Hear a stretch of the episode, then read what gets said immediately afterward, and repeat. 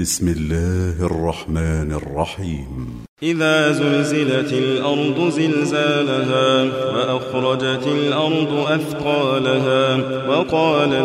الإنسان ما لها يومئذ تحدث أخبارها بأن ربك أوحى لها يومئذ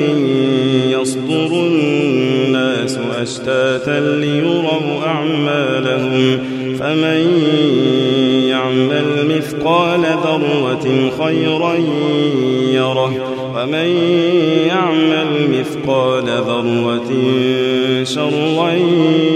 يره